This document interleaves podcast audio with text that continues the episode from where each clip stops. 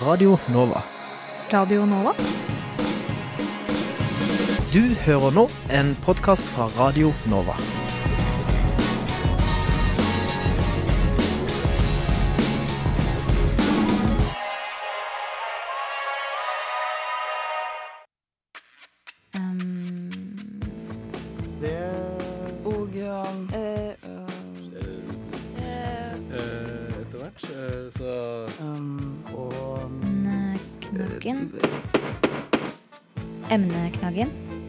Studentenes debattprogram på Radio Nova.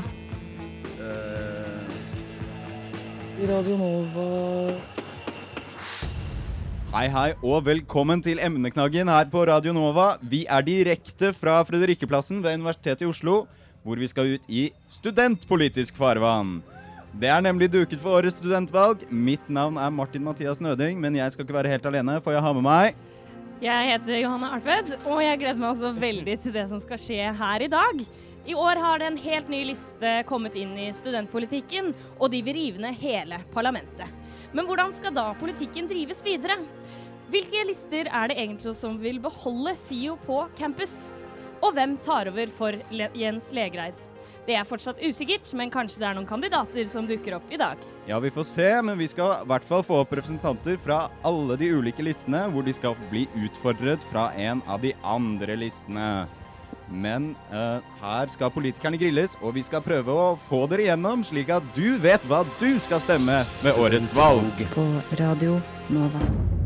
Kampen om tilbudet, kampen om maten, kampen om bagetten. fullstendig usolidarisk. Da er det jo lett å tro at det ikke er helt seriøst. Eh, ja, og det vet vi jo at det er lett å tenke. Det er synd at de ikke, i så fall ikke velger Norge, men Vi jobber nærmest konstant eh, for at studentene skal få det bedre. Vil jeg spurt om dette? det er ikke det du vil høre. Jo, det, det er jo en god ting det òg, men de er jo fakultetsbundne, da. Og det er jeg helt uenig i, fordi det finnes svært dyktige kvinner på universitetet. Hvorfor skal ett parti sitte i studentparlamentet og kun representere ett fakultet? Studentvalg. Emneknaggen på Radio Nova. Vi er fortsatt live fra Fredrikkeplassen, og nå har vi fått med oss en gjest. Velkommen, foreløpig leder av studentparlamentet, Jens Lægreir. Tusen takk, tusen takk. Hvordan går det med deg? Du, det går veldig bra. Nå er jo valget omsider i gang, og det er jo deilig. Det har vært mange intense uker med planlegging. Og nå kan vi bare se Fredrikkeplassen fylles av folk og liv, og det syns jeg er helt fantastisk. Hvordan har det vært å lede parlamentet det her året? Det har vært gøy, eh, men det har også vært eh, veldig mye jobb. Det skal ikke stikkes under en stol, det. Eh, men eh, veldig lærerikt, veldig fint, og utrolig flott å møte så mye bra folk, egentlig. Har du noen uh, spesielle gode minner som hopper ut fra året som har gått, uh, når du har sittet som uh, studentenes såkalte overhode? Ja, mye gode minner er jo med gjengen jeg har hatt med meg. Det er veldig beskrivende sånn dere ser det nå. Jeg får lov til å sitte på radioen og, og skinne litt, og så står kollegaene mine rett bak meg og steker vafler til folk. Så det må, det må tas med at jeg har hatt med meg en fantastisk gjeng, og det har vært bra. Og ellers så eh, har jeg mye gode minner, egentlig først og fremst fra møte med studenter. Snakke med studenter om de utfordringene de har. Eh, noen er jo mer akutte enn andre, men eh, også kunne da tenke på hvordan vi skal gjøre studiene bra i dag, men også se fremover da, til morgendagens studier. Ja, eh, om vi skal dra inn litt politikk her. Eh, da du gjestet Studentnyhetene tidligere i år, snakket du om merittering, som ville bli en av parlamentets viktigste saker videre. Hvordan går det med dette? Det- Vi har vel enda ikke fått noen meritterte lærere på universitetet? Nei, eh, men vi begynner å rulle ut prøveordninger allerede til neste år. Og så er planen at det skal være et eh, fast system på plass eh, innen neste sommer. Så vi har fått på plass en god belønningsordning som ikke bare skal premiere den gode foreleseren, men også sørge for at den gode foreleseren brer om seg med kunnskapen sin, sånn at ikke de blir sittende på den alene. Fordi UiO er et fellesprosjekt, og da må vi sørge for at folk kan løfte sammen. Mm. Som nevnt tidligere så skal det jo velges ny leder. Uh, hva blir den neste lederen sine, sine viktigste oppgaver framover? Um, det neste året Nå er jeg jo for grønn liste, da, så når jeg trekker frem viktige saker, må dere huske på det. Men uh, Oslo skal være Europas miljøhovedstad, og der skal uh, Universitetet i Oslo være inne. Og da er det veldig viktig å minne Universitetet i Oslo på en eh, god gammel regle som heter 'practice what you preach'. Um, og dessuten skal vi jo lande denne her meritteringsordningen. Og vi har også en, eh, de fleste utleieavtalene her på UiO eh, med de ulike aktørene som eh, leier bygg her. De løper ut. Så til neste år skal man se på hvordan fremtidens campus skal være, hvilke tilbud vi skal ha. Og I tillegg så kommer det nye livsvitenskapsbygget, som frigjør 60 000 kvadratmeter med arealer eh, på Nedre Blindern. Og der kan man nesten putte inn hva man vil. Eh, der setter foreløpig fantasien grenser. Og så blir det nok flere grenser etter hvert som man eh, går. Men eh, det å være med på den utviklingen der tror jeg blir svært gjeldende neste år. Mm. Eh, det høres ut som du har en ganske spennende jobb, egentlig, som eh, leder for studentparlamentet. Vi kunne lese i Universitas denne uka at det foreløpig ikke er noen som vil ta over stillingen din. Hvorfor tror du det er sånn at ingen har eh, meldt seg enda? Nei, altså, det er jo ikke valg av ny eh, ledelse i studentparlamentet før 31. mai, så folk har jo god tid. Og så tror jeg kanskje det er litt sånn at eh, folk sitter litt på gjerdet og venter på hvem som skal gå først. Mm. For man vil jo gjerne vite hvem man skal jobbe med. Det viktigste med arbeidsutvalget er at det er et godt team. Og da er det kanskje greit å se litt hvem man skal jobbe med. Så jeg tror at når noen stikker hull på den ballongen, så eh, kommer det. Mm. Uh, forrige leder for parlamentet, Hans Christian Paulsen, uh, klinte jo til uh, i fjor, da vi også var her, og meldte at valgoppslutningen ville være på 18,5% i fjor. Dessverre så ble den bare 16 eh, 17,6. Hvilke forventninger har du til årets valgoppslutning? Vel, det er, det er vanskelig å spå eh, hva det blir. Eh, det viktigste er at studentene gjør et informert valg, og at de stemmer på de de har trua på. Eh, det var i underkant av 5000 studenter som stemte i fjor. Og da danner det et nokså representativt grunnlag. Men jeg håper jo selvfølgelig at det blir 100% oppslutning, ikke sant? Men eh, det har vist seg å være vanskelig, ikke bare her, men også i alle sammenlignbare demokratier. Hvordan er det du skal jobbe mot valget nå 15. mai, da? Steke masse vafler, eh, være hyggelig med folk. Dugnadsånd. Ja, og prøve å fortelle folk litt hva valget handler om, og prøve å gjøre valget nært for folk. Ja. Jeg har vært opptatt av eh, å være litt mindre politiker og litt mer student dette året. Eh, og jeg håper det gir avkastning. Og også den fantastiske grunnlaget som har blitt skapt av hele gjengen. Alle de frivillige og alle de med heltidsverv i studentparlamentet som har stått på siden dag én. Vi begynner jo ikke med valget nå, vi begynte med valget da vi gikk på. Mm. For vi tenkte at hvis vi er der for studentene, hvis vi viser oss for dem vi er, så håper vi at studentene har lyst til å engasjere seg. Og helt til slutt, hvorfor bør studentene her på Blindern eh, engasjere seg og stemme i dette valget? Kan jo høre på en eh, svært klok og dessverre avgått mann som heter Frank Aarebrot. Ja. Han mener jo at det å ikke stemme, det er å gi en halv stemme til de du liker minst. Ikke sant. Eh, og hvis du da tenker på at de du nå stemmer på, de skal bære din stemme videre i store prosesser for nåtidens og fremtidens UiO, så er det utrolig viktig å ta et godt valg, og ikke minst ta selve valget. Eh, Da sier vi bare masse lykke til med valget, og vi håper selvfølgelig på en rekordoppslutning.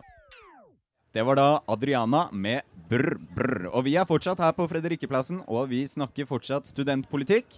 Og nå skal vi høre noen ord fra vår utegående reporter Elise. Ja, Elise, hvordan går det med deg? Det går bra. Jeg står her i regnet, da. Men uh, masse folk som er ute og koser seg. Ja, Hva skal du finne på for oss nå? Nei, jeg tenkte jeg skulle spørre noen studenter her om kanskje de vet hva som skjer i dag, da. Så første person er kanskje Jenny har lyst til å Vet du at det er eh, valg i dag, eller? Ja, jeg så det der. Har du noen lister eh, du har tenkt å stemme på? Ehm, jeg ligger vel an mellom realistlista og grønn, tror jeg. Uh, og da skal du i hvert fall stemme i år. Ja, jeg må jo stemme i år. Det er utrolig viktig å være med og stemme. Yes, Nestemann her. Hei, hva heter du? Hei. Do you speak English? Or do you, uh, what's your name? Jeanne. Do you know that it's uh, election today? Uh, I heard that, yes. it's very exciting. okay, so. Uh, snakk med meg. Finner du noen lister som kanskje er interessert i å snakke med deg, Elise?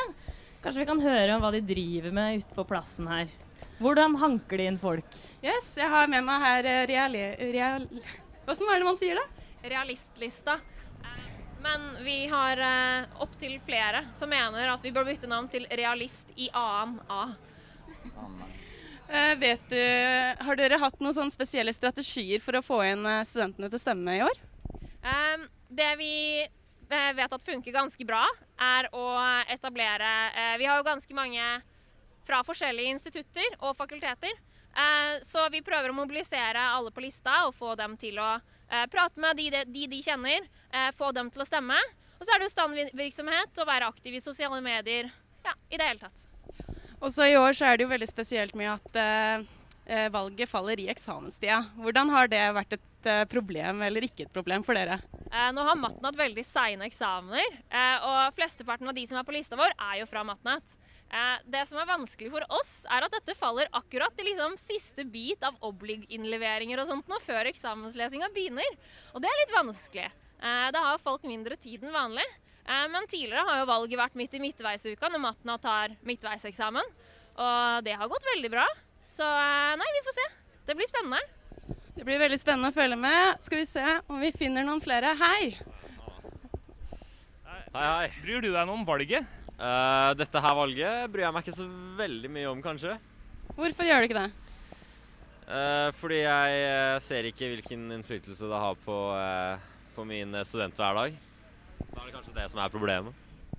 Det har jo vært et tema i flere av forskjellige listene i år. Tusen takk, Elise. Da fikk vi litt liv ute fra Fredrikkeplassen her.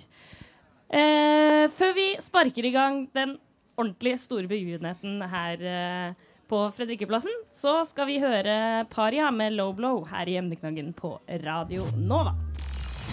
Jeg har egentlig sagt det, men jeg kan si det en gang til. Radio Nova.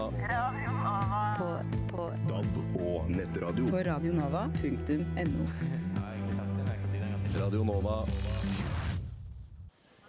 Ja, velkommen. Velkommen tilbake til oss her eh, i emneknaggen. Vi er direkte fra Fredrikkeplassen på Universitetet i Oslo.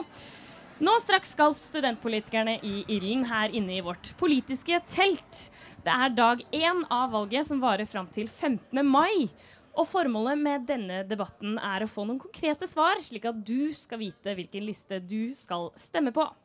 Yes, og slik vi skal gjøre det, er at vi får inn representanter fra hver liste som skal bli utfordret på sin politikk av en annen liste. Eh, først ut i kamp er gjestelista, representert av Øyvind Nordmann, som skal utfordre Grønn listes Andreas Wroldsen. Velkommen. Velkommen, velkommen.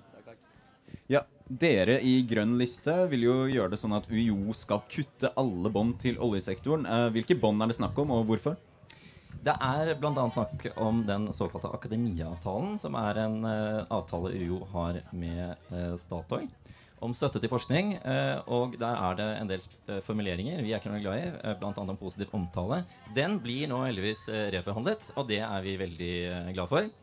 Um, ellers så handler det også om at UiO har hatt store investeringer i fossil energi. Det har vi heldigvis fått gjennomslag for. At de skal trekke det ut. Det holder de også nå på med. Eh, generelt så mener jeg at vi skal vri eh, fokuset vekk fra så, eh, studier innenfor fossil energi til omstilling. Har gjestelista noen perspektiver på oljesektoren eh, da? Altså Vi syns jo miljøtiltak er vel og bra, eh, og det skal det ikke stå på. Men jeg tenker en sånn generell uh, greie uh, mot ja, uh, all tilknytning til oljesektoren. F.eks. Statoil, som gjør et veldig viktig arbeid på bl.a. fornybar energi også. Altså Det kreves forskning der òg, og Statoil gjør en iherdig innsats, bygger masse. Er det ensidig negativt? Nei, og det er eh, det som er eh, poenget vårt. Vi ønsker at eh, Altså vi sier ikke at vi ikke kan samarbeide med Statoil, som nå skal bli Equinor. Da håper vi at de kan vise at det ikke bare er en grønnvasking av eh, selskapet, eh, det navneskiftet, men at de faktisk viser at de fokuserer på fornybar energi og omstilling. Hvis Statoil har lyst til å gi UiO penger for å forske på eh, fornybar energi, så er det helt supert. Og det er akkurat det vi vil. Vi vil at det skal vris mot omstilling og eh, den type forskning, i stedet for at det skal brukes til eh, petroleum, og spesielt hvis det er klausuler om positivt omtale. Så dere vil jo på en måte samarbeide i tillegg, men akademiavtalen skal kuttes for det? vi vil at avtalen i hvert fall skal endres, så det ikke er en eh, slags hemmelig eh, avtale hvor UiO pålegges å omtale f.eks. Statoil eh, og eh, petroleumsindustrien positivt. Det, det går jo ikke an. Altså, det er en, da kjøper du forskning, og det mener vi er helt feil. Men selvfølgelig, hvis det som omtales som oljesektoren, men som sagt nå bytter jo Statoil land. de skal jo fremstå i hvert fall som et eh, energiselskap og ikke som et oljeselskap, så håper vi de beviser at de er det. Tilsvar fra gjestelista her. Ja, eh, Det er vel og bra at man ønsker å på en altså Det er litt distansert fra studentene også, dette her, tenker jeg. Så jeg har lyst til å spørre om et litt mer konkret eh, klimatiltak. Dere vil at UiO skal redusere energiforbruket sitt. Eh, så lurer jeg på Ofte, i hvert fall på SV, av erfaring, så vet jeg at der stenger de av luftanlegget f.eks. klokka fem.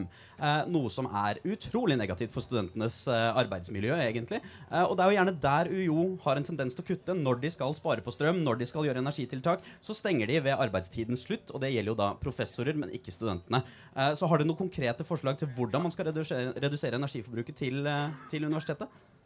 Ja, dette er jo, altså, det er klart vi må veie hensyn opp mot hverandre. Eh, studenter skal ha bra luft, det er klart det. Eh, men eh, nei, vi må se på eh, alle forskjellige tiltak. Vi, altså, dette med energireduksjon handler jo også om at vi bygger riktig.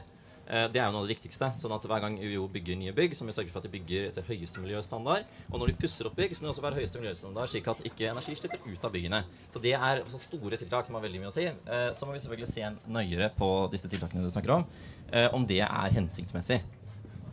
Grønn liste ønsker også en forbedring av SIO sine kantiner. Hva er det snakk om, og konkret, hvordan er det dere skal gjøre det? Eh, Grønn liste ønsker bedre, billigere og bærekraftig mat i alle UiOs kantiner. Ikke nødvendigvis bare SIO. Vi har sagt at eh, SIO-monopolet det kan vi diskutere eh, hvis en åpning for eh, eh, andre aktører vil gjøre tjenestene bedre. Konkrete til hvordan vi skal få til det. Eh, I dag Gjestelista, hva tenker dere? Nei, altså Vi er jo helt enig i det at uh, man, må, man må få litt bedre tilbud for studentene. Og Vi er jo for, eksempel for å ha food trucks her ute på Fredrikplassen, sånn at studenten kan gå ut, nyte fint vær, få seg litt god mat. Og på denne saken om SIO-monopolet så er vi på studentenes side. Vi driter i på en måte hvilken side uh, av eh, det, Altså hvem som, er for, hvem som er mot SIO-monopolet, og hvem som er for. Det driter vi litt i. Studentene er det viktigste. Så jeg bare lurer på har du noen konkrete tiltak til annet, annet godt tilbud SIO kan tilby? Ja, altså Det er vi helt enig i. Vi er ikke noe imot food trucks. Uh, vi sier også at uh, dette SIO-monopolet er ikke så viktig for oss heller, fordi det viktigste er tilbudet til studentene. Men for å forbedre kantinene mener vi f.eks. at uh, man burde ha et prisdifferensiert system. Sånn at det er en kantine i dag, så betaler du akkurat like mye for brokkoli som biff i CEO-kantina. Bare for å sette det litt på spissen. Vi mener at en veldig enkel ting du kan gjøre, er å få et system hvor du betaler mindre, f.eks. hvis du bare spiser grønnsaker. Det vil gjøre at det blir mer miljøvennlig. I tillegg så blir det billigere å spise for studentene. For i dag er det altfor dyrt. Tusen takk, eh, Andreas Wroldsen fra Grønn liste og Øyvind Nordmann fra Gjestelista. Det var det. Supert. Følg med videre. Debatten fortsetter snart. Og vi står her fortsatt, vi, Johanne. Det gjør vi. Og nå har vi fått med oss nye gjester. Fra Venstrealliansen har vi Erlend Ditlevsen og Og fra Blå liste har vi Mathias Oppdal Weseth. Velkommen til oss. Takk, takk. Eh, og det er Venstrealliansen som skal ut i ilden. Og dere vil ikke avskaffe SIO-monopolet, men heller forbedre tilbudet. Det stemmer. Eh, hva, hvordan vil det skje i praksis når vi nå har erfart at vi ikke får innsyn i SIOs eh, budsjett, eller hvordan driften er der? Det er å kjempe enda mer i velferdstinget og gjøre en enda bedre jobb opp mot SIO. Eh, det å vise at eh, vi faktisk har noe å si, og det å vise at vi får fram stemmen vår og løfte den opp mot SIO. Vi må bare stille strengere krav. Hvordan har vi sett det?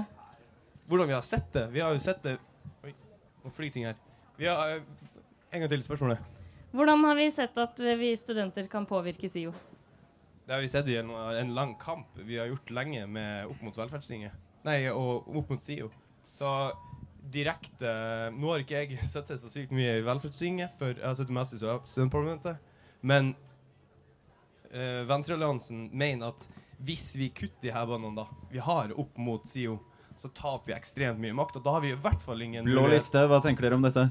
Nei, altså Jeg har sett litt på eh, de sakene til eh, Venstrealliansen her, og en av de tingene de ønsker å gjøre, det er å kutte i lederlønningene til eh, de SIO-lederne.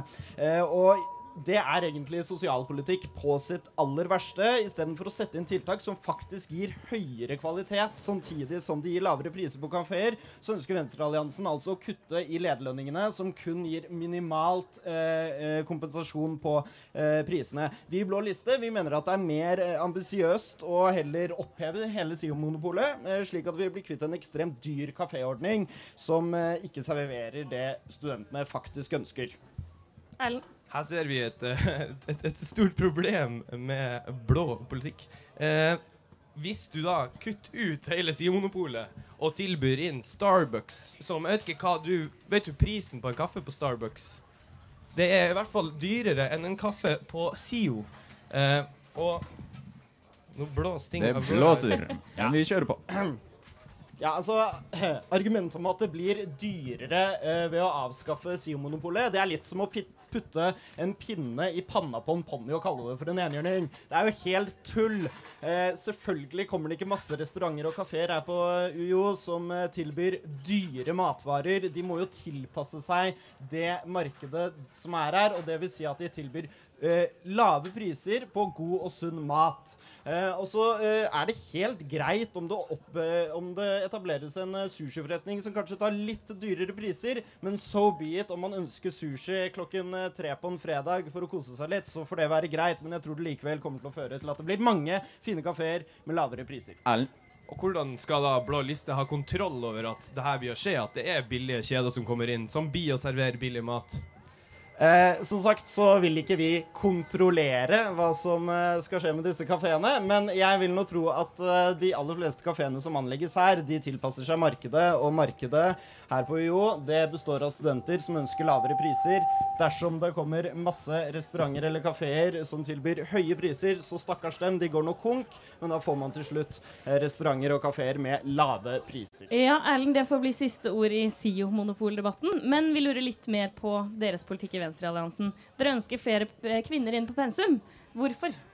Fordi at vi trenger et mer mangfoldig pensum. Vi trenger å få forskjellige vinklinger, forskjellige syn på, på fagstoffet. Og jeg ser ingen grunner til at det ikke burde være flere kvinner på pensum. Blå liste, noen grunner? Nei, altså Selv syns jeg det er mange fag som bør endres. Blant annet så ville jo vi i Blå liste eh, modernisere X-Fill. Men jeg syns det likevel går grenser for studentpolitikk. Og den grensen går der hvor man skal begynne å rette pekefingeren mot professor og fagutvalg og detaljstyre eksakt hvilke forfattere som skal stå på pensumlista. I stedet for å begynne å kvotere inn kvinnelige forfattere på pensumlista, så syns jeg man heller kan sette inn ord til deg. Ja, det å detaljstyre er det ikke noe vi gjør. Vi oppfordrer Universitetet i Oslo til å ha flere kvinner på pensum for å få et mer mangfoldig pensum. Det er en norm som har vært i alle år i akademia, at hvite menn på 50-60 år som har sittet i sin behagelige skinnstol, har fått Siste korte ord til deg, Mathias. Nå løper tiden fra oss. Ja, jeg syns det er fint at dere ønsker å løfte fram flere kvinnelige eh, professorer og forfattere på pensumlista, men istedenfor å eh, begynne å kvotere dem inn Og der skal, går klokka for eh, Blå liste og Venstrealliansen. Nå er det på tide med en låt, vet du.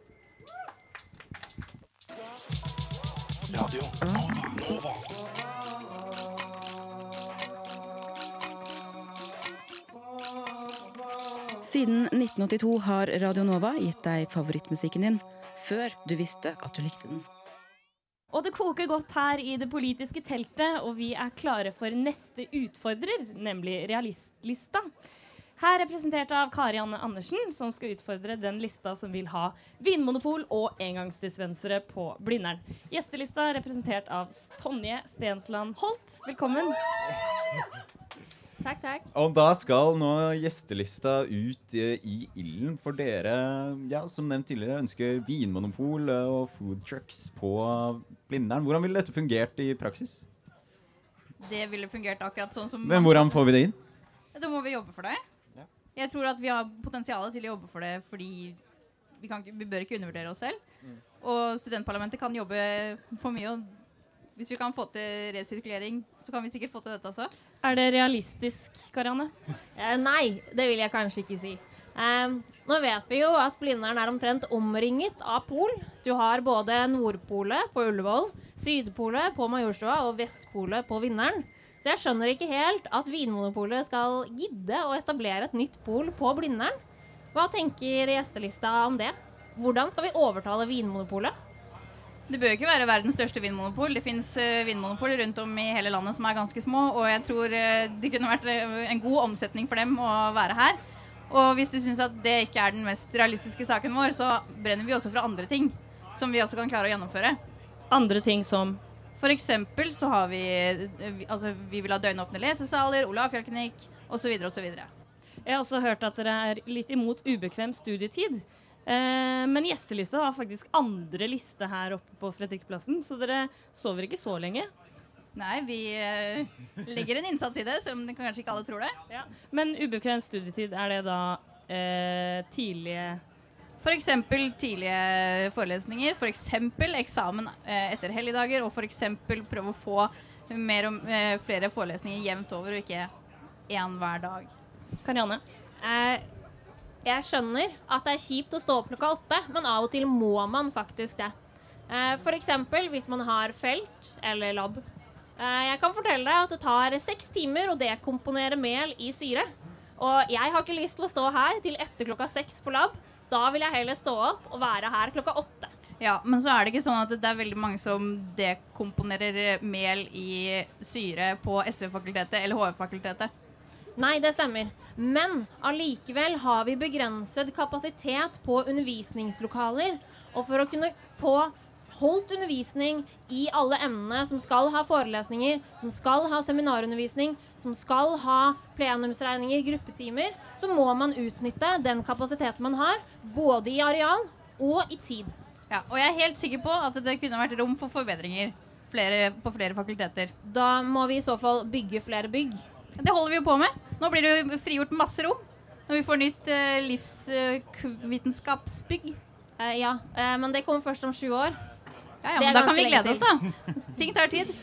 Ting tar tid, men å drive og si at man ikke skal ha forelesninger klokken åtte nå, er relativt urealistisk. Ja, Men det vil vi jobbe for. Dere har jo også ganske mange andre konkrete ting egentlig i deres valgprogram. Ja. Eh, F.eks. Olafia-klinikk og sånne ting. Men hvordan er det dere stiller dere til SIO-monopolet? Eh, vi er ikke verken som sagt i sted, vi er ikke verken på venstre eller høyre siden. Vi vil ha det beste for studentene. Om det så er SIO at SIO har en eh, klinikk, altså en eh, seksuell seksualitet og helseklinikk her på Blindern, om det er så det beste for studentene, så er det, så er det bra. Det bør ikke være Olafia-klinikk, det kan være sex og samfunn, det kan være hva som helst. Men så lenge det er et godt tilbud til studentene, så er det det vi vil ha. Det er jeg veldig glad for at du sier, og det er vi også veldig enige i. Nå kommer jo SIO, eh, SIO helse tilbake til bygget rett bak her, som driver og pusser opp nå. Det er ikke før om tre år? Det stemmer. Det kommer til å ta tid. Men når det kommer, eh, så kommer jo SIO til å eh, ikke bare eh, tilby både psykisk helsehjelp og vanlige fastlegetjenester, eh, men de kommer også til å tilby det fra åtte til åtte, som er noe Realistlista har jobbet for i velferdstiden. Ja, takk for at dere kom. Det får bli siste år i det, eh, den saken. Eh, Gjestelista gjorde et veldig godt valg i fjor. Eh, så det gjenstår bare å se om studentene vil ha food trucks og vinmonopol og øltelt. Takk til. Tonje fra Gjestelista og Karianne fra Realistlista. Eh, neste duell er Liberal liste, som utfordrer A-lista. Før det skal du høre Ni grader nord med hymn. Og hvem har vi besøk av nå, Johanne? Nå har vi fått med oss eh, Amanda Haugnes Rygg fra Liberal liste, som skal utfordre A-listas eh, Marius Frans Linus Hillestad. Velkommen. Tusen takk. Og eh, i A-lista, dere arranger- eh, engasjerer dere i overgangen til arbeid etter studiene. Hva er i veien med sånn som det er nå, og hva kan gjøres bedre? Uh, sånn som det er nå, så er det sånn at det er veldig mange studenter som ikke helt vet hva de har kompetanse i, og hvordan man kan få seg en relevant jobb til det du studerer. Uh, det vi ser, er jo at uh, veldig mange på humanistisk fakultet og samfunnsvitenskapelig fakultet får seg relevant jobb, men det tar gjerne fire år etter at de er ferdig med å studere, før de finner ut hva de egentlig kan. Hvordan skal det gjøres, da? Nei, altså Man må få mye mer ehm, Hva er ordet for det? Uh, altså Det vi ønsker, er å koble inn karrieresentre uh, inn på fakultetene, sånn at man faktisk uh, får en mer bevissthet da, rundt egen kompetanse. Liberalliste? Noe Ja, det jeg tenker på er at uh, Karrieresenteret har jo karrieredager allerede på noen av uh, fakultetene, bl.a. Uh, Matnatt, med, uh, hvor man kan møte poten- potensielle arbeidsgivere. og Det er kjempebra, og jeg er helt for at vi skal ha det på de andre fakultetene. Men når det tar fire år for studentene å finne ut hva de faktisk eh, kan, det tror jeg ikke er universitetet sin skyld. Det tror jeg heller er eh, studentene som ikke setter seg inn i hva studiet de tar, faktisk kan lede til. Er det riktig? studentenes feil? At studentene ikke setter seg inn i hva de uh, studerer? Jeg vil si at uh, både ja og nei. Uh, altså, hvis man ikke får muligheten, da eh, til, Altså, veldig mange er på Blindern kun for å studere. Og når man da ikke får den ekstra tiden til å finne ut eller snakke med folk som kan hjelpe deg med å finne ut hva det blir, rett og slett, og hva en relevant jobb for deg kan være, Men- så er jo det dumt. Men mye av dette her kan man allerede funne på emnesidene. Alle, em, alle kursene har 'dette kurset er relevant for ditten og datten' hvis du vil jobbe som dette eh, tidligere. Så studentene har jo mulighet når som helst, når de vil, til å gå inn på den siden og finne ut er det jeg studerer relevant for noe. Jeg sier ikke at det ikke tilbudet kan bli bedre, men muligheten er der allerede. Ja, men, den kan bli bedre, som du sa. Men er det Jeg var inne og så på valgprogrammet deres. Er det slik at dere ønsker frivillig praksisnemnde i alle studier? Så vi ønsker at det skal opprettes et praksisemne på studier der hvor det eh, altså, er mulig da, og relevant. Hvilke studier tenker dere på da? Eh, alle.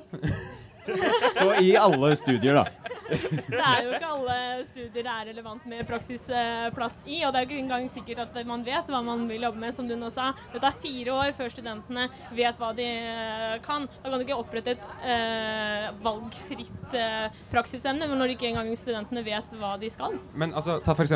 studiet mitt av medievitenskap. Der kan man, hvis man vil, istedenfor å skrive bachelorgrad, altså bacheloroppgave, så kan du få et halvt år praksis innenfor noe som er relevant for Men legger universitetet til rette for det, eller er det Ja, de er legger til rette for det. De tar kontakt med arbeids relevante arbeidslivsaktører og får dem til å uh, huke inn Altså, de kommer inn på instituttet og representerer seg selv og får uh, folk til å søke på praksisplass som medieanalytiker, kommunikasjonsrådgiver, uh, alt mulig sånt. Ja, så tilbyr ikke allerede da UiO dette for de emnene hvor det er relevant? institutt. Hvor det er relevant. Det er mange flere relevante studier. Mm. Men jeg lurte på en ting, og det er om A-lista har klart å følge med på hvordan det egentlig er i psykisk eh, og helse. For dere skriver at dere ønsker kortere eh, køer for psykologer i UiO. Men hva mener dere med kortere? Rett og slett kortere. Altså Om det er én dag eller om det er en uke kortere, så blir det, så det er en forbedring. Men det, det vi ønsker, er jo minimal kø. Fordi den var kjempelangt før. før. Nå er den på sånn ca. fire uker, med mindre du har Nei, den er ikke på eh, fire uker. De siste to årene så har eh, køene hos eh, psykisk helse og SIO vært under to uker. Dette her fikk jeg høre fra Velferdstinget senest i forrige uke. Det er feil, ropes det ut fra sidelinja her. Er det fortsatt fire uker? Fire uker? To måneder da en prøvde her, en student. Ja, Som regel under en uke. Jeg har i hvert fall prøvd å få hjelp. Jeg fikk etter tre dager, liksom. Man må alltid påberegne litt ventetid. Men som selvfølgelig, man skal eh, ha kortest mulig eh, køer, men man kan ikke Ja. la det gå utover tilbudet. Nå ringer klokka for oss. Det ble da siste ord. Da skal vi få høre Softcore United med sjansespill. Emneknaggen. Da hørte du på emneknaggen på Radio Nova, og vi er tilbake her live fra Fredrikkeplassen. Og vi Klare har for en ny fått besøk av Igjen eh, fra realistlista har vi Karianne Andersen. Velkommen tilbake. Takk, takk. Og fra nye Fremskrittslista har vi Johan Nikolai Hertzberg. Velkommen til deg. Tusen takk for det. Og det er realistlista som skal bli utfordra av deg, Johan. Eh, realistlista er den siste lista som fortsatt er knyttet til et fakultet. Hvorfor skal man stemme på dere? Eh, først vil jeg kanskje si at at vi er knyttet til et fakultet, det betyr at de fleste på lista kommer fra Matnat. Eh, realistlista liker å basere politikken sin på fakta og hvordan ting funker i virkeligheten. Hva som faktisk er realiserbart. Hva kan vi faktisk få til? Eh, vi henter inn politikken vår på, eh, i samtale med fagutvalg, studentutvalg fra universitetet. Eh, så vi liker å tro at vi har aktuelle saker som kommer fra grasrota og opp. Johan, er det noen saker du vil utfordre Karianne på? Ja, eller jeg vil jo si at Realistlista er jo egentlig et symbol på alt som er galt ved studentparlamentet, så vi kan jo ta de tre fanesakene deres og se om noen er uenig i det. De krever en opprydning i digital eksamen. Det er alle enig i. De ønsker feltpraksis i tråd med gradsprinsippet nå. Det er alle enig i. Og de ønsker konkrete tiltak for et hyggelig levende campus. Det er alle enig i. Så realistlista de står for saker som absolutt alle er enig i. Og de sakene de trekker frem som er konkrete som de ønsker, det er heller ikke noe studentparlamentet kan få gjennomslag for. Så realistlista dere er nok et symbol på en liste som ikke kommer til å få gjennomslag for noe som helst, som dere ikke har fått gjennomslag tidligere. Så det her det viser én ting, det er at vi skal legge ned studentparlamentet. Eh, her har jo eh, representanten fra Fremskrittslista helt feil, faktisk. Eh, Realistlista kan vise til mange gjennomslag tidligere. F.eks. kildesortering. Den hadde kommet uansett, for det er det Stortinget som har bestemt. Spennende. Vi fremmet det første gang i 2014. Jobbet for det i 2015 og 2016. Nå er det plass. Stortinget vi har ville ha det tidligere. Vi har også jobbet for at SIO psykisk helse skulle f.eks. kurses av Rosa kompetanse. Gjennomført. Hadde aldri skjedd om ikke realistlista fremmes i Velferdstinget. Det er fortsatt UiOs og et styre gjennom annet Stortinget som bestemmer dette. virkelig ikke. Rosa kompetanse er en kompetansegruppe drevet av FRI. Det at de har kurset SIO psykisk helsepersonell, hele SIOs helsepersonell, både psykisk helse og helse, hadde aldri skjedd om ikke arbeidsutvalget hadde gjort det på oppfordring av realistlista.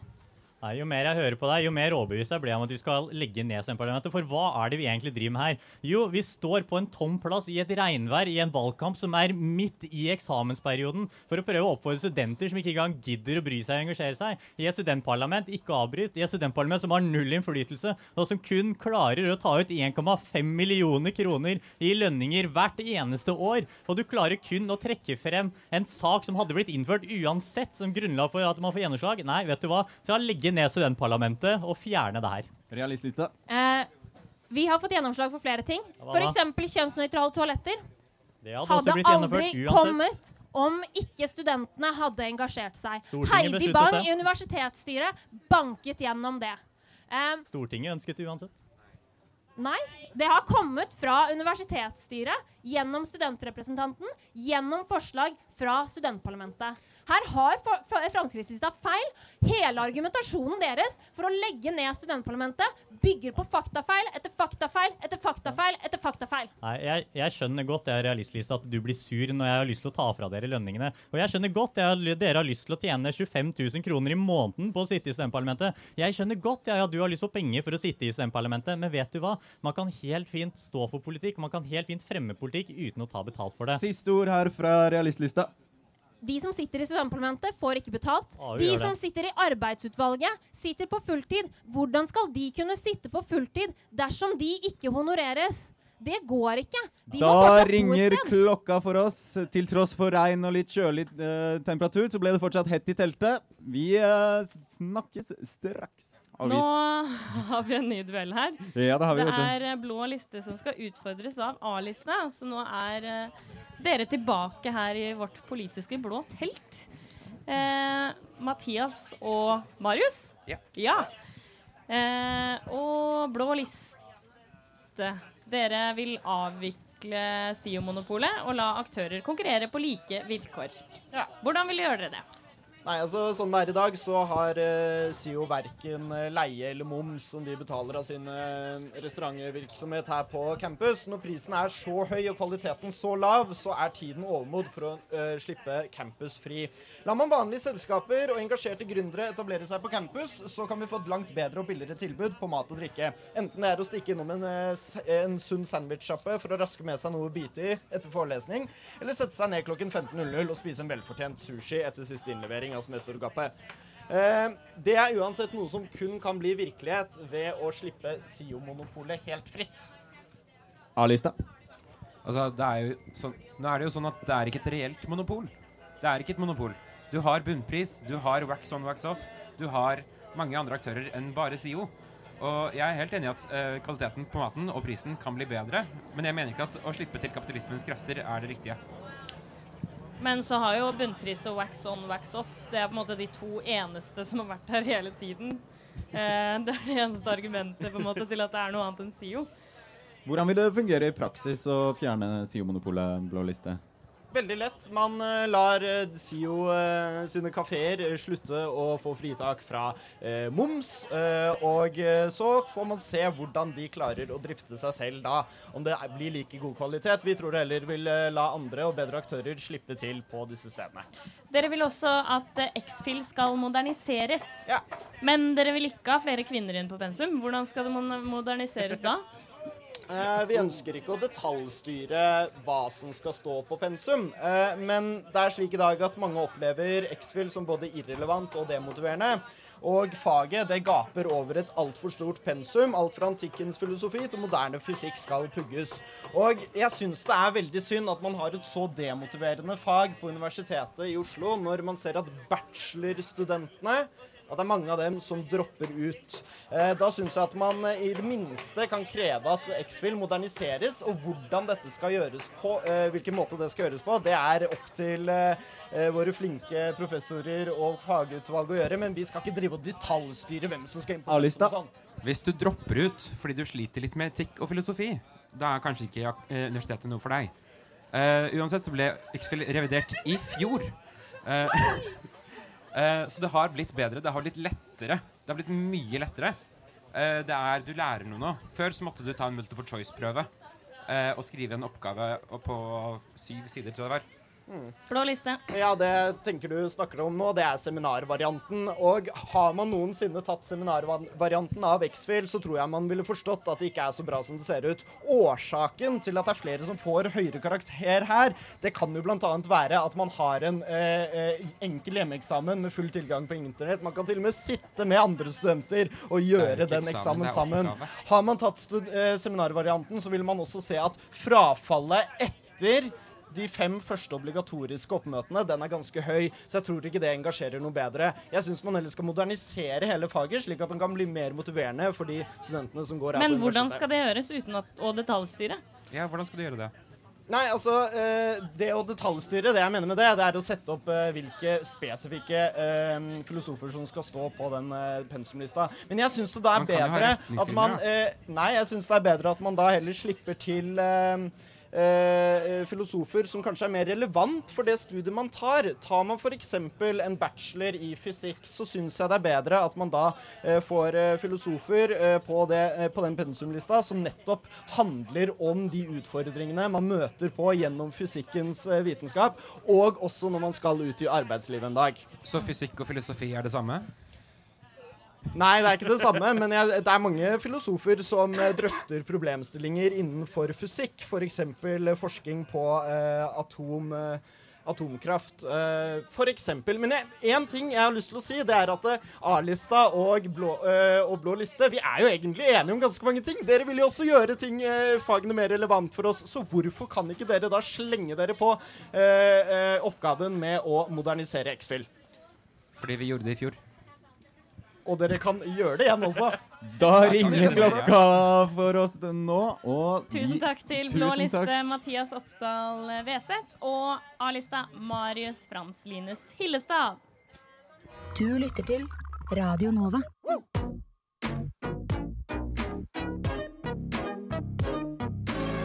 Radio Nova. Studentradioen i Oslo. Radio Nova. Ja. Hva? Nova? Ja. Og nå kjører duellen videre, og det er eh, Fremskrittslistas Johan Nikolai Hertzberg og Erlend Ditlevsen Aag fra Venstrealliansen. Yes, uh, Fremskrittslista. Dere kjører bombastisk ut med ønske om å legge ned hele studentparlamentet. Hvorfor? Hvordan ville dette fungert? Jo, det ville fungert ved at vi fremmer forslag for det, og så legger vi det ned. og Grunnen til det er studentparlamentet. De har ingen reell innflytelse. Det er et rådgivende organ som ikke har myndighet til å fatte vedtak som er bindende for UiO. Og det eneste studentparlamentet faktisk har myndighet til, det er å ta ut halvannen mil i lønninger hvert eneste år. Så de som sitter i arbeidsutvalget til studentparlamentet, de får 25 000 kroner i måneden. Og man kan gjerne drive med studentpolitikk, og man kan gjerne synse. Mange mener at jeg synser, men jeg får ikke en krone for det. Så det vi sier, det er at hvis du har lyst til å synse, da får du gjøre det gratis. Og studentparlamentet, det er defekt, så det skal vi legge ned. Erlend, er du enig? Overhodet ikke enig. Jeg tror eh, alle Du kan gå til eh, Svein Støren og høre hvilken rolle studentparlamentet og AU og leder Jens Lægreid har å spille opp mot uh, styret univers ved Universitetet i Oslo. Og men jeg har et spørsmål egentlig til Fremskrittspartiet. Hvordan har dere i praksis tenkt å få til å legge ned studentparlamentet? Ja, det har jeg allerede svart på ved at vi fremmer forslag om det, som da blir stemt over. Så det er det, det, er det minste problemet. Det som er et større problem derimot, det er jo dobbeltmoralen til Venstrealliansen. Her siterer jeg fra deres eget valgprogram. Venstrealliansen vil senke lederlønnen i SIU og gi fortjeneste bak studentene. Så de som tjener penger i SIU, jo, de skal dere stanse. Dere skal fjerne lønningene deres. Men de som sitter i arbeidsutvalget i parlamentet, halvannen mil, jo, de skal vi ikke ta fra lønningene. Så her, det er dobbeltmoralisme. Og i hvert fall, vi i Fremskrittspartiet vi er i hvert fall ærlige på det. Vi skal ta lønnen fra både CEO og studentparlamentet, og vi skal legge det ned. Venstrealliansen. Yes. Her tror jeg én ting er verdt å få eh, fram og klart. Um, lønningen til SIO-direktørene er på et helt annet nivå enn lønningen til de som sitter i arbeidsutvalget. Lønningen til de som sitter i arbeidsutvalget er akkurat sånn at det går rundt. De jobber iherdig og gjør en fantastisk innsats for studentparlamentet. Og den syns jeg de 25 000 de får i de skal de få lov til å ha. Uh, spørsmål til Fremskrittslista her. Dere ønsker å legge ned det dere kaller ulønnsomme studier. Uh, hva mener dere med dette, og hva skjedde med fritt valg?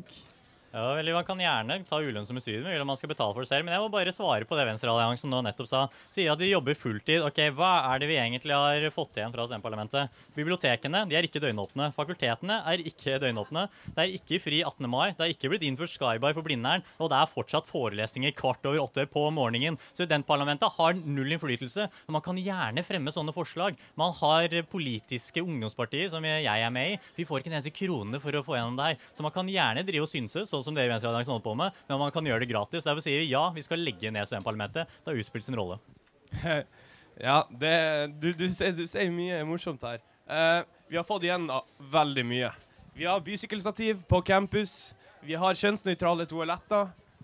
Vi har hvis kjønnsnøytrale toaletter er det eneste du klarer å trekke frem av relevans i parlamentet, jo, da blir jeg bare mer og mer overbevist. Vi må legge det ned. Men hvordan skal du få til å få igjen mer politikk om du legger ned parlamentet? Jeg er veldig glad for det spørsmålet. For vi i Fremskrittslisten vi ønsker heller at hvert fakultet skal oppnevne egne studentrepresentanter, sånn som de gjør i dag. Men problemet er at når UiO har en utfordring og en problemstilling, da vet de ikke hvem de skal gå til. Skal de gå til studentparlamentet, eller skal de gå til hvert fakultets representanter? Vi vil ta makten vekk fra studentparlamentet, som ingen stemmer på, som tar lønninger, og gi det til hvert fakultet, til hver student. Så det vi Fremskrittspartiet ønsker å gjøre, det er å gi makten tilbake til studentene. Og da må vi legge ned studentparlamentet. Eh, veldig fint at du er her nå, Erlend. fordi i valgprogrammet deres i Fremskrittslisten så står det opp flere ganger 'venstreraddiser'. Hvorfor har dere brukt det ordet her? Hva betyr det? Ja, eller Venstreraddiser er jo noen som står langt til venstre, f.eks. Eh, Venstrealliansen. og De har jo skrevet tidlig at de er radikale. Og Litt av utfordringen, tenker jeg i hvert fall, og det er jo ikke bare med Venstrealliansen, det er de øvrige listene, det er at de står for akkurat samme. Alle vil ha grønnere UiO, alle vil ha mer kildesortering, alle ønsker bedre undervisning, alle ønsker mer podkast. Alle mener det samme. Så for første gang har jo nå studentene faktisk et alternativ å stemme på. Og det er også i Venstrelisten, som vil legge ned stemmeparlamentet. Men bruker dere det fordi det er et nedlatende ord? Nei, Det kan jo noen andre svare på. Jeg syns ikke at det å være venstreraddis er noe negativt nødvendig. Jeg er jo med Fremskrittspartiet. Jeg mener heller ikke at det er noe negativt å være en frepper, som kanskje enkelte vil omtale meg som. Men det jeg tenker er det sentrale her, det er jo ikke om man er en frepper eller om man er en venstreraddis. Det sentrale her det er altså en ikke har noen innflytelse, så derfor vil vi legge det ned. Erlend? Ja, Det som er viktig å se da på de tre hovedsakene Legg ned, legg ned, legg ned. Vi kunne ha tilført en til en som er legg ned Fremskrittslista. Fordi alle de tre sakene han går til kamp på, er tomme saker. Det er saker som ikke kommer til å gå gjennom. Det er saker som er helt unødvendige. Det er saker som du kommer ingen vei. Du blir ikke å greie å legge ned studentparlamentet. Så hvorfor ikke gå inn med politiske saker som faktisk kan gå gjennom? fra oss. Tusen takk til Fremskrittslista, og tusen takk til Venstrealliansen. Takk for det. Takk, takk. Og duellen fortsetter. Siste duell ut. Det er liberal liste som skal utfordres av grønn liste. Amanda og Andreas er tilbake i teltet. Eh, og Amanda, hvorfor ønsker dere døgnåpne lesesaler? Bør ikke studentene få sove? Jo, man skal jo få lov til å sove, men man får lov til å jobbe også. Og sånn det er i dag, så er det mange som må jobbe ved siden av studiene for å få endene til å møtes. Og da mener vi at UiO må legge til rette det for at alle sammen kan få studere akkurat når de vil. Og det er jo ikke sånn at uh, ingen av studenter har denne muligheten i dag. Alle masterstudenter på UiO har mulighet til 24 timers uh, lesesal. Så da mener vi at all dette skal være en rett til alle studenter, ikke bare masterstudentene. Døgnåpne lesesaler, grønn liste, hva tenker dere?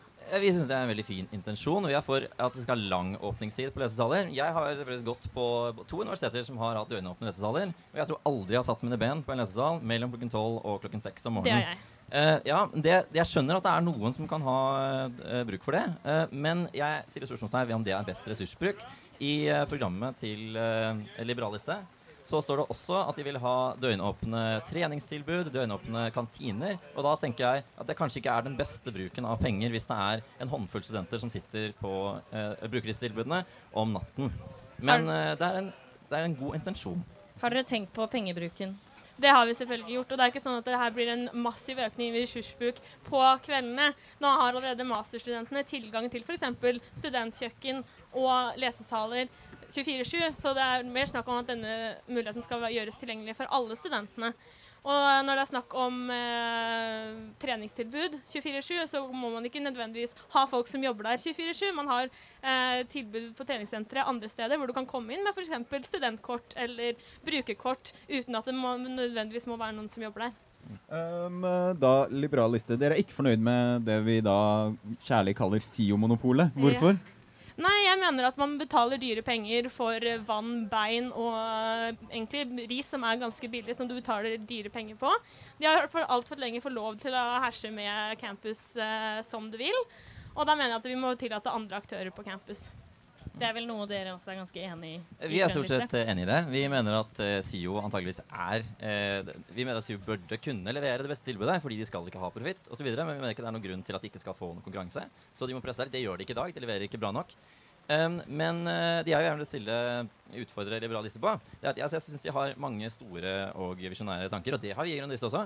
Men uh, i motsetning til det jeg oppfatter eh, liberalister har, så har vi et fullstendig program som vi har her, med masse punkter som vi vil gjennomføre uh, under måte, disse store og visjonære tankene, med konkret politikk. Det er vi òg. Eh, ja, det er veldig fint, men jeg vil gjerne uh, utfordre lista på hva de har fått gjennom den siste perioden. Av konkrete tiltak som gjør hverdagen bedre for studentene.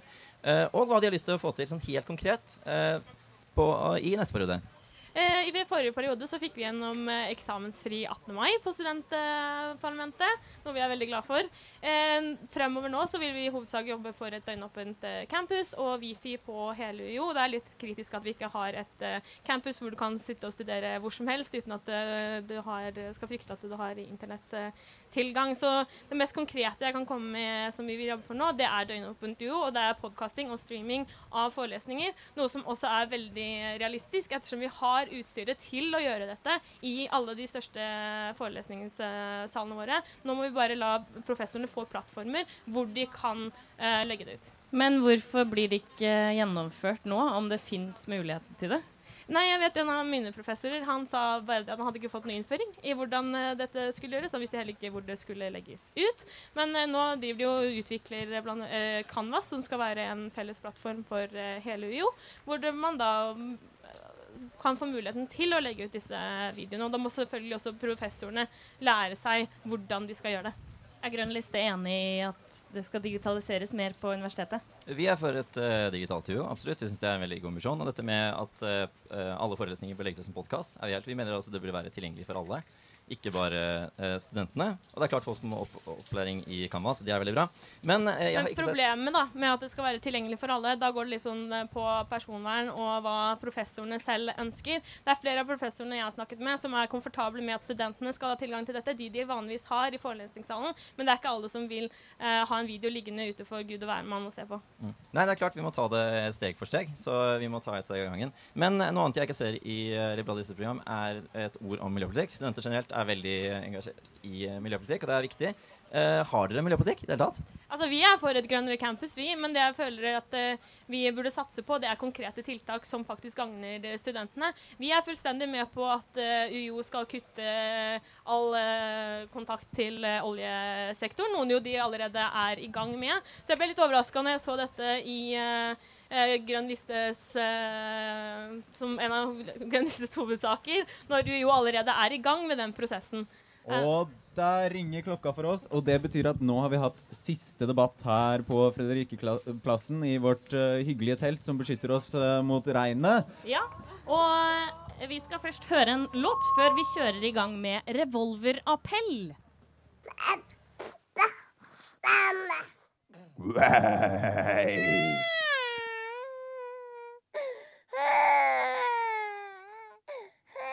Radio Nova kommer og tar deg.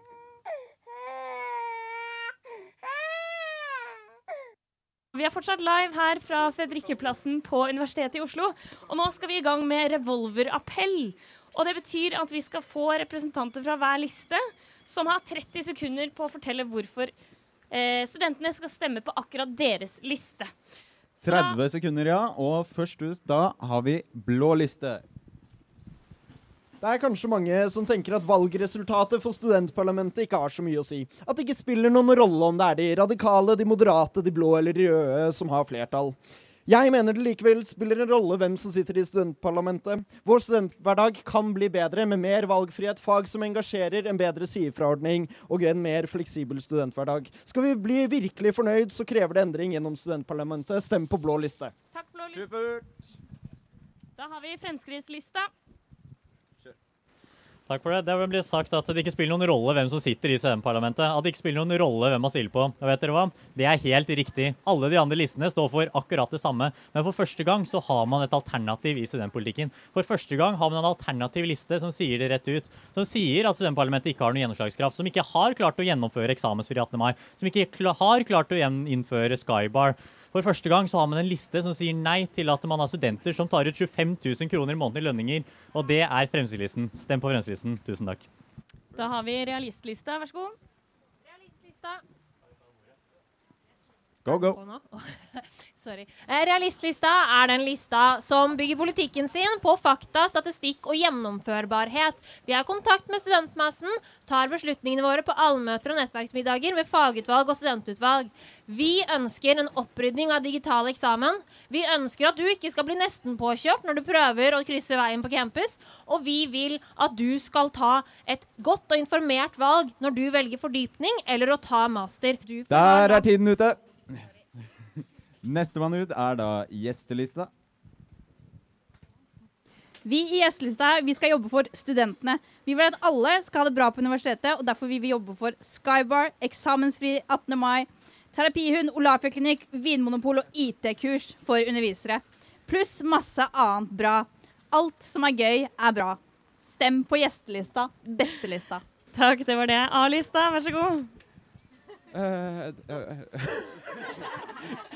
jeg glemte dette, så jeg løp hit. Eh, men eh, eh, vi vil ha mer arbeidslivsrelevans i studiene. Vi vil ha mer miljøvennlig UiO. Vi vil egentlig ha alt som er bra, og nei til alt som er dårlig. Eh, Gud, nå glemte jeg programmet vårt. Eh, Du har 13 sekunder på deg. eh, hvor er vi? Der er vi. Podkast av forelesninger. Det vil vi ha. For det kan gjøres kjempelett. Tusen takk. Da skal vi ha liberal liste. Vær så god. Ønsker du studentrepresentanter som jobber for studentenes frihet, for et døgnåpent universitet, digitalisering av akademia, for at studentene selv skal få bestemme sin studiehverdag, ja, da skal du stemme liberal liste. Vi vil ha et UiO som er åpent 24-7. Et UO UiO hvor studentene kan komme på campus og få dekt sine behov for leseplass, mat og trening, uavhengig om de følger eh, den 9-4-døgnrytmen. Stem liberal liste. Og for å avslutte, Grønn listes Andreas Rolsen, vær så god. Grønn liste stiller til valg for å skape et grønnere og bedre universitet for alle studenter. Vi gjennomfører praktisk politikk som gjør en forskjell i vanlige studenters liv.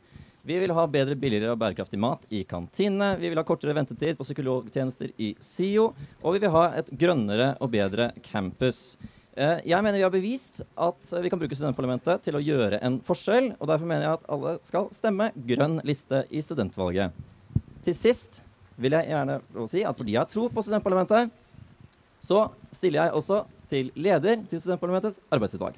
Hey, da har vi fått en kandidat her i dag. Det er supert. Da har vi uh, fått alle partiene har gitt sin revolverappell. Og vi håper da at uh, folk uh, har fått litt mer kunnskap om hva de forskjellige listene står for. Ja, skal vi kanskje høre litt med Andreas hva du, hva du tenker om å stille til som leder? Ja, Hvorfor stiller du? Eh, Jeg stiller jo fordi jeg tror jeg kan gjøre en god jobb. Ellers hadde jeg aldri stilt. Eh, Jeg må si jeg ble litt overrasket over at eh, det ikke er andre lederkandidater som har meldt seg. Jeg har tenkt på å stille til AU en stund. Men ja, jeg mener at studentparlamentet er et veldig viktig organ, og at vi kan gjøre en stor forskjell. Som det blir sagt, altså Listene er I valget så selvfølgelig legger vi trykk på det vi er uenige om, men vi er også enige om mye. Og vi kan få til veldig mye når vi samarbeider.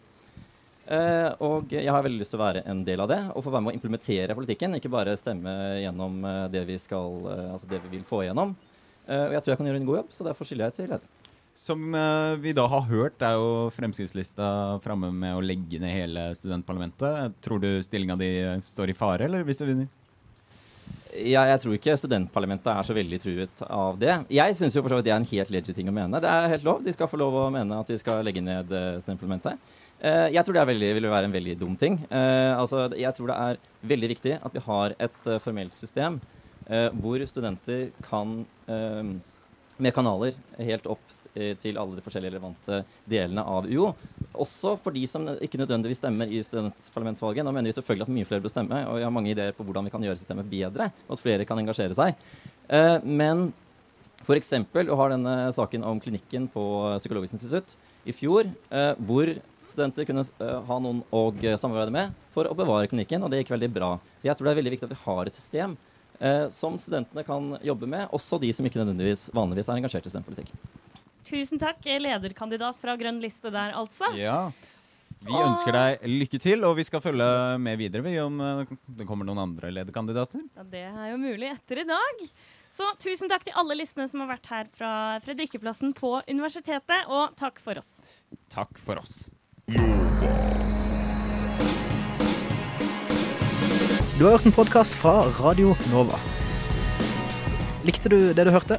Du finner flere podkaster i iTunes og på våre hjemmesider radionova.no.